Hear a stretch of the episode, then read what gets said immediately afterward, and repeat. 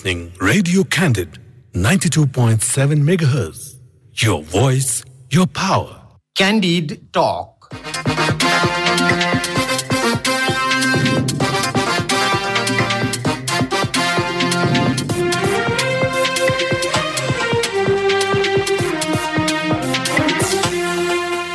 नमस्कार क्यान्डिड टकमा तपाईँलाई स्वागत छ। म धीरज बस्नेत। रेडियो क्यान्डिडको प्रस्तुति कार्यक्रम क्यान्डिड टक तपाईँले शनिबार बाहेक हरेक दिन बिहान साढे छ बजेबाट सात बजेसम्म आधा घन्टा सुन्दै आइरहनु भएको छ।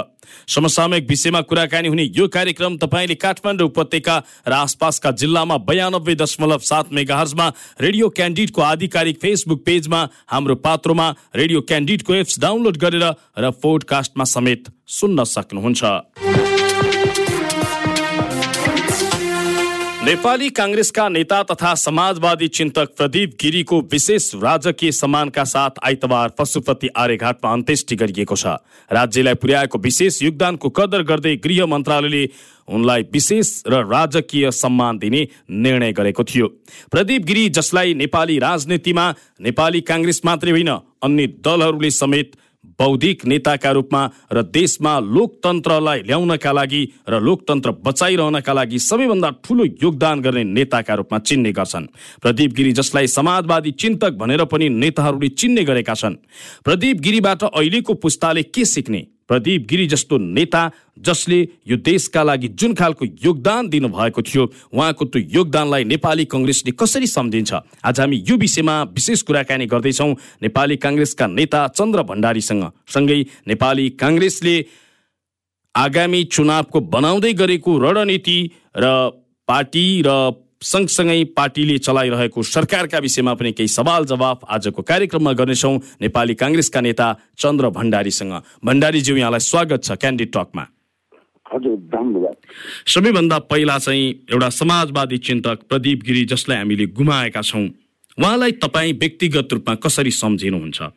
अहिले भौतिक सुख सुविधाको चरम विकास उपयोग भइरहेको बेलामा एउटा व्यक्तिले त्यसको कम उपयोग गर्दै नेपाली समाजलाई रूपान्तर गर्ने एउटा मानव कल्याणका निम्ति प्रजातान्त्रिक प्रक्रियाका निम्ति सोच्ने सरल एक नेताको रूपमा मैले उहाँलाई बुझ्दछु चिन्दछु। तपाईँले त धेरै सङ्गत पनि गर्नुभयो होला उहाँसँग।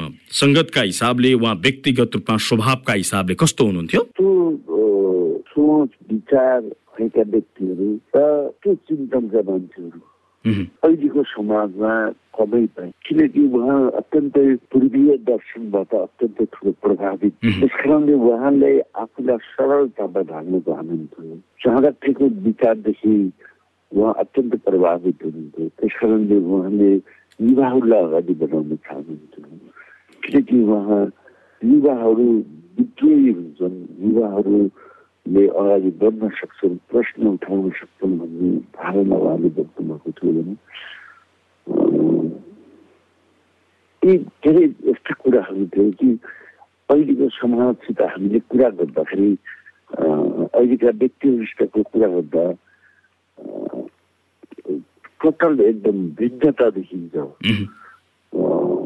र उहाँमा कुनै लोभ लालच भन्ने नै थिएन मुलुक कसरी भन्छ मानवताले कसरी प्रगति गर्न सक्छ उसको अधिकारहरूको कसरी सुरक्षा हुन्छ त्यस्तो टाइपको सोचै नै फरक थियो अहिलेका व्यक्तिहरूको भन्दा सोच नै फरक थियो कुनै पनि पद प्रतिष्ठाले उहाँलाई छुन सक्दैनथ्यो कि उहाँलाई लोभाउन सक्दैनथ्यो र आफ्नो विचारदेखि उहाँ नचिप्लिने एउटा व्यक्ति हो। जस्तो उहाँबाट नेपाली कङ्ग्रेसले चाहिँ सिक्ने र उहाँबाट नेपाली काङ्ग्रेसले अपनाउने कुराहरू चाहिँ के के भेट्यो र उहाँबाट नेपाली कङ्ग्रेसले कैयौँ कुराहरू सिक्नु पर्ने थियो होला? त्यो खालको नेपाली कङ्ग्रेसको व्यवहारगत हिसाबले त देखिएन। उहाँ कस्तो हुनुहुन्छ भने त्यो अहिलेको प्रश्न सोध्ने मानिसहरू पनि साथीहरू पनि यस्तो हुन्छ कि उहुँ, त्यस्तो व्यक्तिहरू कुनै पार्टीसित मात्र बन्दित हुन्थ्यो कि मुलुकलाई हेर्दा विचारलाई हेर्दा हेर्नु घरको साँपबाट हेर्नु हुँदैन घरको साँपबाट हेर्नु हुँदैन पार्टीको रसिदबाट हेर्नु हुँदैन सिङ्गो मुलुकलाई आकाशबाट हेर्नुपर्छ माथिबाट हेर्नुपर्छ जसले गर्दा समान अवसर विकास प्राप्त गर्नको निम्ति सजिलो हुन्छ प्रत्येक गिरिजीहरू जस्तो काङ्ग्रेसको आँखाले मात्रै हेर्ने व्यक्ति जो होइन यद्यपि उहाँको आस्था र उहाँ रहेको पार्टीको हिसाबले सबैभन्दा पहिला हक त कङ्ग्रेसकै लाग्छ होला नि त यस्तो हो नि उहाँहरू त्यति बेला एउटा डेमोक्रेट पार्टी कङ्ग्रेस मात्रै थियो। त्यसको नेताहरू पनि गजबका थिए। बिपी कोइराला सुवर्ण शमशेर गणेश मान्जीहरू शिशुजीहरू जस्तो नेताहरू हुनुहुन्थ्यो। कुनै पनि लोभ लालच थिएन। मुलुकका प्रति समाजका प्रति चुनावका निम्ति एउटा अभियानै थियो जो विश्वले अनुकरण गर्ने व्यक्तिहरू थियो त्यो बेलाको उहाँले अवसर पाउनुभयो। त्यो अवसर पाएका धेरै मानिसहरू करप्ट भयो नेपालमा। तर उहाँले आफ्नो बाटो छोड्नु भएन। त्यो लक्ष्यका निम्ति जुन राजनीतिमा लाग्नु भएको थियो त्यही लक्ष्यमा जानुभयो पहिले पनि उहाँले कङ्ग्रेसको पक्षमा कङ्ग्रेसले गरेका वा कङ्ग्रेसका नेताहरूले गरेका गलत प्रवृत्तिको बेला बारेमा उहाँले पार्टीले गरेर निर्णय भन्दा उहाँले पक्षमा बोल्नु भएन इन्डिपेन्डेन्ट बोलिदिनु भयो। त्यो नेसनका निम्ति सबैका निम्ति मुलुकका निम्ति पनि हित हो त्यसरी हित हो। त्यही कारण उहाँले हरेक सीमाभन्दा बाहिरको व्यक्ति। त्यसरी पनि हामीले हेर्नुपर्छ जस्तो उहाँको त्यो व्यक्तित्वलाई अहिलेका युवा पुस्ताहरूले अहिलेका राजनैतिक दलहरूले कसरी उहाँबाट सिक्न सक्छन् र कसरी अगाडि बढ्ने बाटोहरू देख्न सक्छन् पहिले त्यस्तो सिक्ने बुझ्ने त्यो व्यवहार गर्ने कुनै पनि मान्छेहरू छैन अहिले। नेपालमा कुनै पनि राजनीतिक पार्टी राजनीतिक पार्टीका नेताहरू त्यस्तो छैन। पद कमाउनका निम्ति पार्टीहरू लुट्नका निम्ति लोकतन्त्र लुट्नका निम्ति अहिलेको नेपाली समाज। होइन भने यति सुन्दर देश यति यस्तो विचारहरू लडेका नेपालका पार्टीहरूको यो दुर्दशा हुन्थ्यो त्यस कारणले गर्दा मलाई के लाग्छ भने अहिले यति ठुलो खडेरी परेको छ कि नेतृत्वको निम्ति न सिक्ने मान्छे छन् न सिकाउने मान्छे छन्। त्यस्तो स्थिति अहिले नेपालमा छ। कमै मान्छेहरू अहिले पनि सिद्धान्त र निष्ठामा विश्वास गर्ने तपाईँहरू जस्ता केही नेता त छन् जसबाट आशा गर्न सकिन्छ। तपाईँहरूले यसको लिड गर्न सक्नुहुन्छ नि। अहिले सिद्धान्त त हेर्नुहोस् मरिसक्यो। लोकतन्त्र भनेको व्यवहार मरिसक्यो। मुलुक बनाउने भन्ने कुरा माने त्यो ढाँट्ने क्षति भइसक्यो। सिधै परिवारका निम्ति त हामी लगाइरहेका छौँ र हामीले जहाँसम्म हामीले गर्न खोज्यो खोज्न खोजेको यो मुलुक बनाऊ जनताले दुःख पाए हामीले आफ्ना परिवारका सदस्यहरूलाई पनि यो देशभित्र राख्न सकेनौँ यो देशको नागरिकताको भेल्यु कम भयो पासपोर्टको भेल्यु कम भयो लुम्बिनीको भेल्यु कम भयो जानकीको भेल्यु कम भयो संस्कृतिको भेल्यु कम भयो यसको भेल्यु बढाउँ यो जसको भेल्यु थियो त्यो भेल्यु एकदम कम भयो हामीले गर्न खोजेको तर अत्यन्त कम सपोर्ट छ नेपाली समाजबाट सही कुरा र सत्यता सत्यको निम्ति अत्यन्तै कम सपोर्ट छ हुन त नेपाली राजनीति यसरी चाहिँ अगाडि बढिराखेको छ कि आफू सत्तामा नपुग्दासम्म त्यही कुराको विरोध गर्ने सत्तामा पुगेपछि त्यो कुरा चुप लागेर आँखा चिम्लिने हामीले जुन कुरा देखिथ्यो देखिरहेको थियो नि त्यो देखिरहेको कुरा सत्य रहन्छ त्यसरी हेर्नुपर्छ हामीले मुलुक बनाऊ भन्ने मान्छे कम छ किनकि किन भन्नुहुन्छ भने यसलाई अहिलेको वर्तमान राजनीतिक पार्टी सञ्चालकहरूलाई चुनौती कम भयो किन चुनौती कम भयो भन्नुहुन्छ भने एक त युवा युवतीहरू सब विदेशको लागि गए जसले हुँ। प्लस टू गरेपछि ए नम्बर गरे जो विद्रोही बन्थ्यो जसले गर्न सक्थ्यो चिनी सबै प्लान भयो दोस्रो कुरा हामीले बनाएको संविधानमा प्रत्यक्ष निर्वाचनदेखि समानुपातिक भोट गर्दा समानुपातिकलाई अ, प्रत्यक्ष त च्यालेन्ज गर्न सक्थ्यो होला नेतृत्वलाई किन काम गरेको तर त्यो समानुपातिक गरेर ल्याएको व्यक्तिहरू व्यक्तिगत बन्न पुगे इन्डिपेन्डेन्ट बन्न सक्यो व्यक्तिवादी व्यक्तिको पुच्छ जस्तो बन्न खोजे कि प्राप्त पद प्राप्त गर्न खोजिन्थ्यो त्यस कारणले गर्दा त्यहाँबाट पनि प्रश्न उठ्न सकेन जो कमजोर व्यक्ति थियो जो कम छ जसले पैसा बाँध्न सक्छ जसले लुट्न सक्छ ऊ मात्रै सधैँ नेता हुने प्रवृत्ति भयो त्यस कारणले गर्दा तपाईँ हामीले सोचे जस्तो भोलि पनि सोचे जस्तो हुन्छ भन्ने जस्तो हुँदैन यस्तो मैले यसरी यो दुईटा तरिकाले मैले अहिले तपाईँको भनाइअनुसार त नेपालको राजनीति त एकदमै व्यक्ति केन्द्रित र एकदमै स्वार्थ केन्द्रित पो बन्दै गएको रहेछ त है? एकजना मान्छेलाई पनि उनी बोल्दा कसरी प्रदीपजी बोल्नुहुन्छ यो मुलुक कसरी बन्छ मुलुकको जनताले कसरी सुविधा पाउँछन् होइन भन्नु एकजनाले एकजना पनि तपाईँले बोलेको देख्नुहुन्न।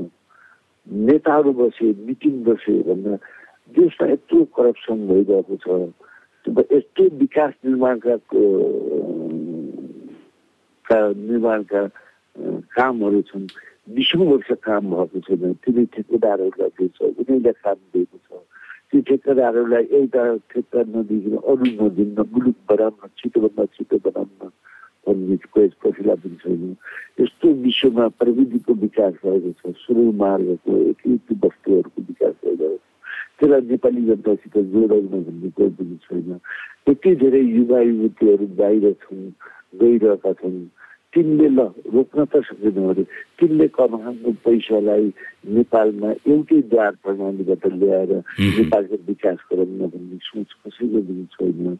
जनताले आज स्वास्थ्यको अभावले गर्दाखेरि एक पोइन्ट सेभेन पर्सेन्ट गरिबीको रेखा पनि गएका छन्। तिनलाई स्वास्थ्य उपचार लगाएर फेरि दिउँ भन्ने कसैको सोच छैन। कसैको सोचै मुलुक बनाउने भन्ने कुरा सोचैले छैन। प्रकृति स्रोत साधनको एकदम उपयोग गर भन्ने छैन। केवल आफ्नो घर बनाउने आफू सम्पन्न गर्ने अ, रोप्ने मुलुक भन्ने केही छैन। त हामीले कसरी भन्न सक्छौँ यो पुरै यो निराश त होइन कि यो रोगमा यति ठुलो जर्जर ठुलो रोग लागेको छ।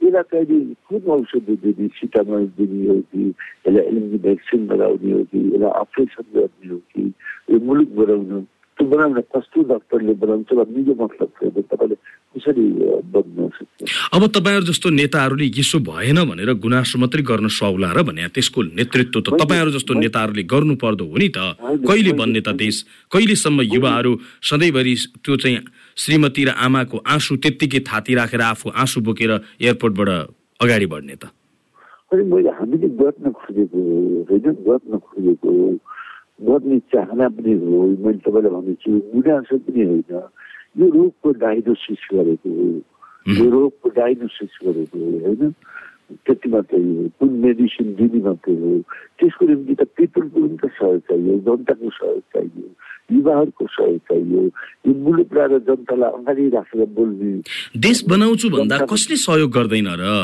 कसैले पनि गर्दैन भनाइ मात्रै हो तपाईँले एकदम भनाइ मात्रै जसले सोच्यो जसले गर्यो सहयोग हुँदैन त कसरी गर्नु सकिन्छ हामीले यत्रो धेरै जेल बस्यौँ यत्रो कठोर पुग्यौँ अ, हामीले अहिले मुलुक अहिलेसम्म केही लिएका छौँ बराम भन्दै हिँडिरहेका छौँ तर त्यस्तो देखिँदैन तपाईँलाई तपाईँले जसरी सजिलै भन्नुभएको छ त्यस्तो देखिँदैन त्यो गाह्रो छ हुन त तपाईँहरूकै पार्टीभित्र कैयौँ व्यथितिको चाङले तपाईँले भने कस्तो उदाहरण आजकै दिनमा नेपालमा तेजरो संस्कृतिको सुरुवात भयो तपाईँलाई भन्छु होइन त्यति बेला तेजरो नलिनीमा जनता र जनप्रतिमा धेरै ठुलो भिन्नता हुन्छ जनताहरूले सडकमा गाडी बन्नु नचढ्न नपाउने बस पनि थिएन नि त्यति बेला राम्रै बस पनि चलाएको। नेताहरूले चाहिँ तेजरो चढ्ने यो गर्न हुँदैन भन्दा प्रदीप गिरीजीले शैलजाजीले भीमबहादुर तामाङजीले नरहरीजीले तपाईँलाई नारायणमान बी नारायणमान लिजितले विदुर पौडेलजी लगायत बाह्रजना मानिसहरूले नेताहरूले तेजरो लिनुभएन त्यति बेला भन्नु न। तिनै व्यक्तिहरूलाई नेपाली जनताले चुनावबाट हराइदियो। त्यही दिनबाट नेपालमा विकृति सुरु भएको जसले हुने खाने लुट्ने मात्रै पोलिटिक्स अगाडि बढ्छ भन्दा सुरुवात भएकै दिन त्यही हो नेपालीले धेरै ट्याक्स नगरेको दिन त्यो आज त्यही प्रदीपजी हुनुहुन्थ्यो त्यही प्रदीपलाई हामीले सम्झ्यौँ। त्यही प्रदीपलाई चुनाव जसले त्यागो र संस्कृतिको विरोध गर्यो। नेपाली जनता र नेतामा फरक हुनुहुन्न है. सँगै हिँड्न पर्छ भने त्यसैलाई चुनाव हराइदियो। अहिले चाहिँ प्रदीपजीलाई चाहिँ गुणगान गरिरहेको छ त्यसले के अर्थ लाग्छ? के अर्थ लाग्छ? के गर्नु मुलुक बन्नु भनेको या त बिचौलियासँग जसको साँठगाँठ छ जो अलिकति व्यक्तिवादी रूपमा चाहिँ खेलोफड्को गर्न सक्छ अलिकति पैसा पेल्न सक्छ तिनैको पो हालिमुहाली राजनीतिमा हुँदै गयो त होइन? तपाईँहरूको पार्टीदेखि अन्य जुनसुकै पार्टी किन नहोस्?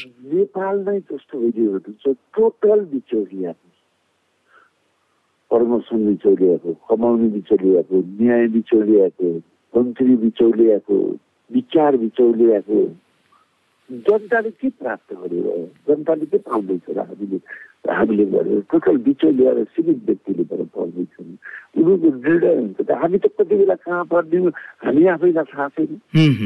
मुलुकै बिचौलियाको तपाईँलाई। हेर्नुहोस् न यसरी विकास निर्माणहरू सबै बिचौलिएका जसले जोसित पैसा छ उही ठुलो मान्छे। समाजमा मूल्य मान्यताले त प्राथमिकतै पाउनु छोड्यो राजनीति मूल्य मान्यताले प्राथमिकता पाउनु छोड्यो मानवीयताले प्राथमिकता नै पाउनु छोड्यो यसरी पनि हामीले हेर्नुपर्छ तपाईँलाई आज मैले चाहिँ यो कुरा उठाएँ भन्ने कुरा होला यो चाहिँ यो समाजको वास्तविकता हो यसलाई कसले ग्रहण गर्ने अनि यो तपाईँको भोगाई वा आम नेपालीको भोगाईको तितो अनुभूति पनि हो नि यो एकदम तितो अनुभूतिहरू त तपाईँलाई अब अहिले एक थरी तपाईँलाई तपाईँले देख्नुभयो पनि जो देशको प्रधानमन्त्री बने जो देशको राष्ट्रपति बने त्यो जो देशको मन्त्रीहरू बने जो देशको महत्त्वपूर्ण कर्मचारीहरू बने उनीहरूले आफै बिरामी हुँदा राष्ट्रबाट तपाईँलाई सुविधाहरू लिन्छन्। प्रदीप गिरिजीले त लिँदिन भन्नु नलिएर पनि त हुँदो रहेछ होइन? करोडौँ पैसा उनीहरूले लिन्छन्। तर उनीहरूले के बुझेछन् भने यिनीहरूले पानी दिन्छन् मिलिन्डर महँगो पानी दिन्छन्। तर आर्यघाटमा जाँदा घरमा नहालको पानी अन्तिममा खानुपर्छ त्यस कारण यसलाई सफा गर्नुपर्छ भन्ने कुरा यिनीहरूले बुझेन।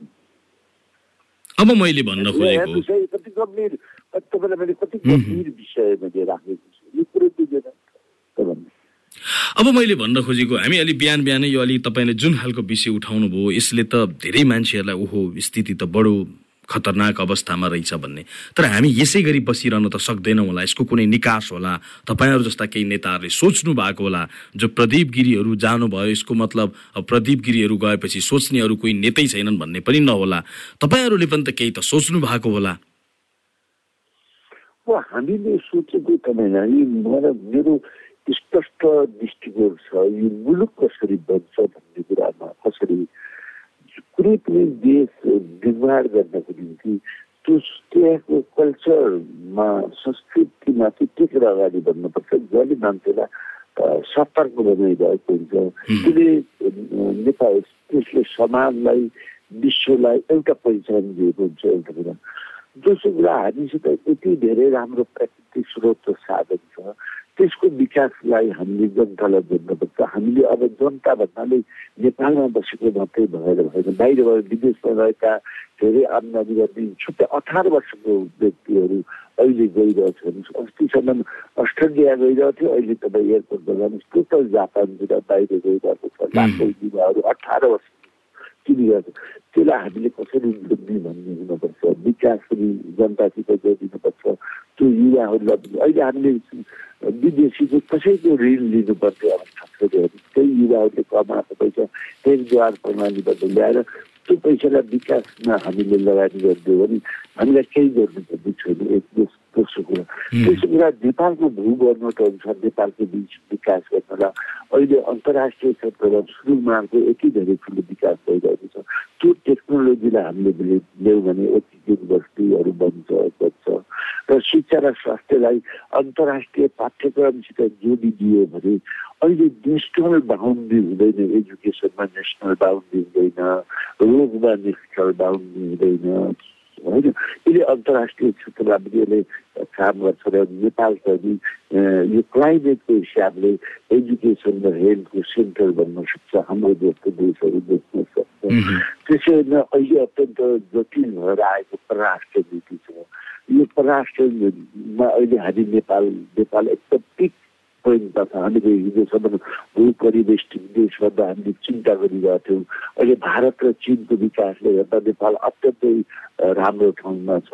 अहिलेको यो यो अवस्थामा कसरी भारत र चिनबाट हामीले त्यो फाइदा लिने दुवै देशले कसरी फाइदा लिने दुवै देशलाई चाहिँ नेपाल हारजित कस कुनै पनि देशको हारजितको ठाउँ बन्दैन भन्ने कुरा कसरी विश्वास दिलाउने यो ओल्ड पावर रेसमा नेपाल छ न्युट्रल कसरी बस्ने भन्ने तरिकाले हामीले सोध्न पर्ने अवस्था पनि आएको छ।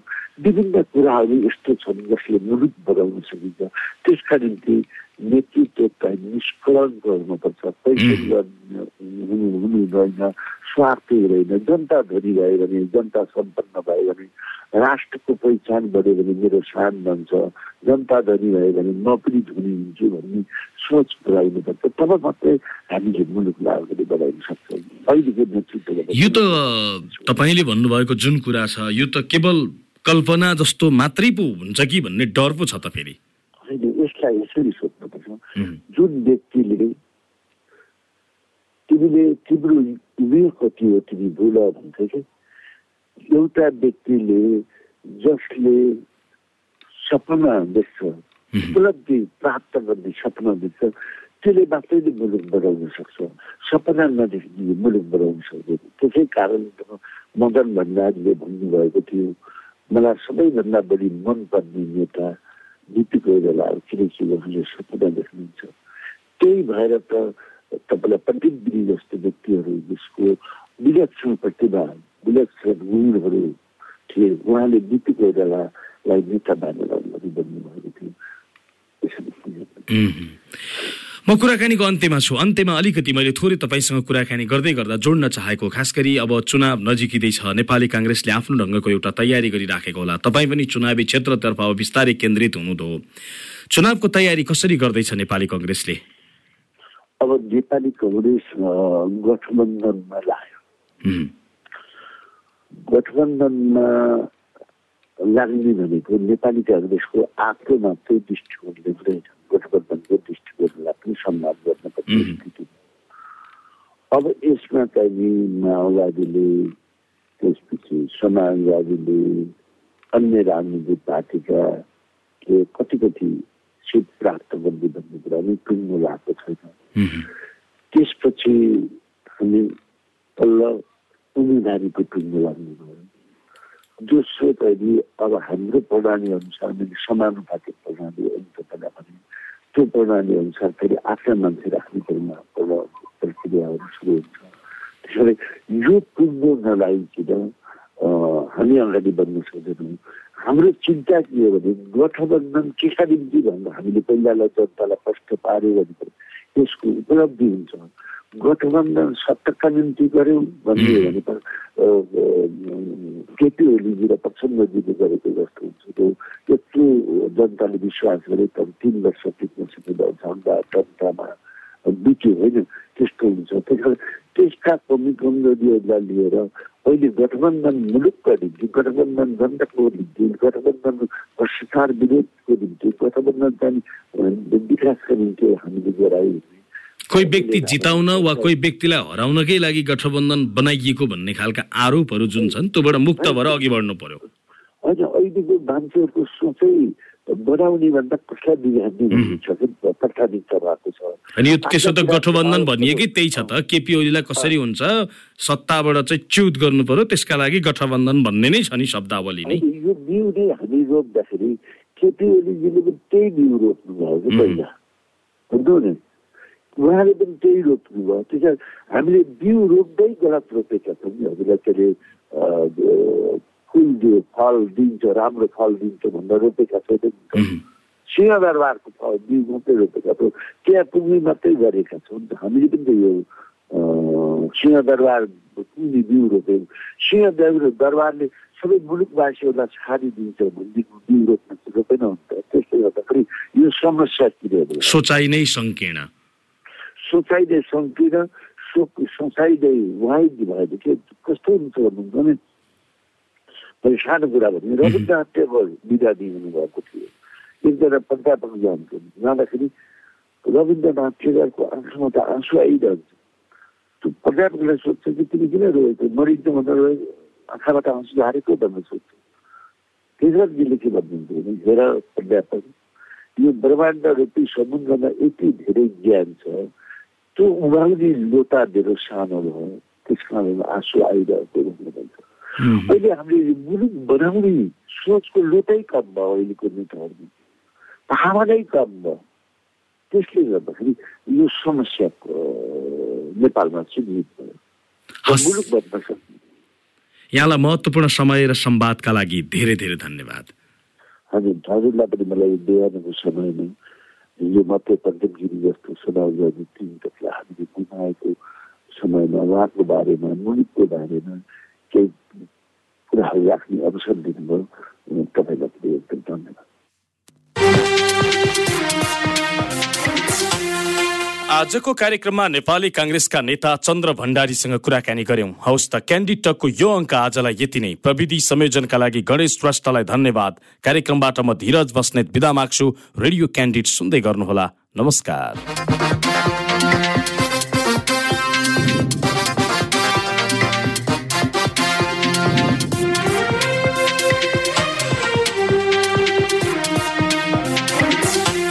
Candid Talk.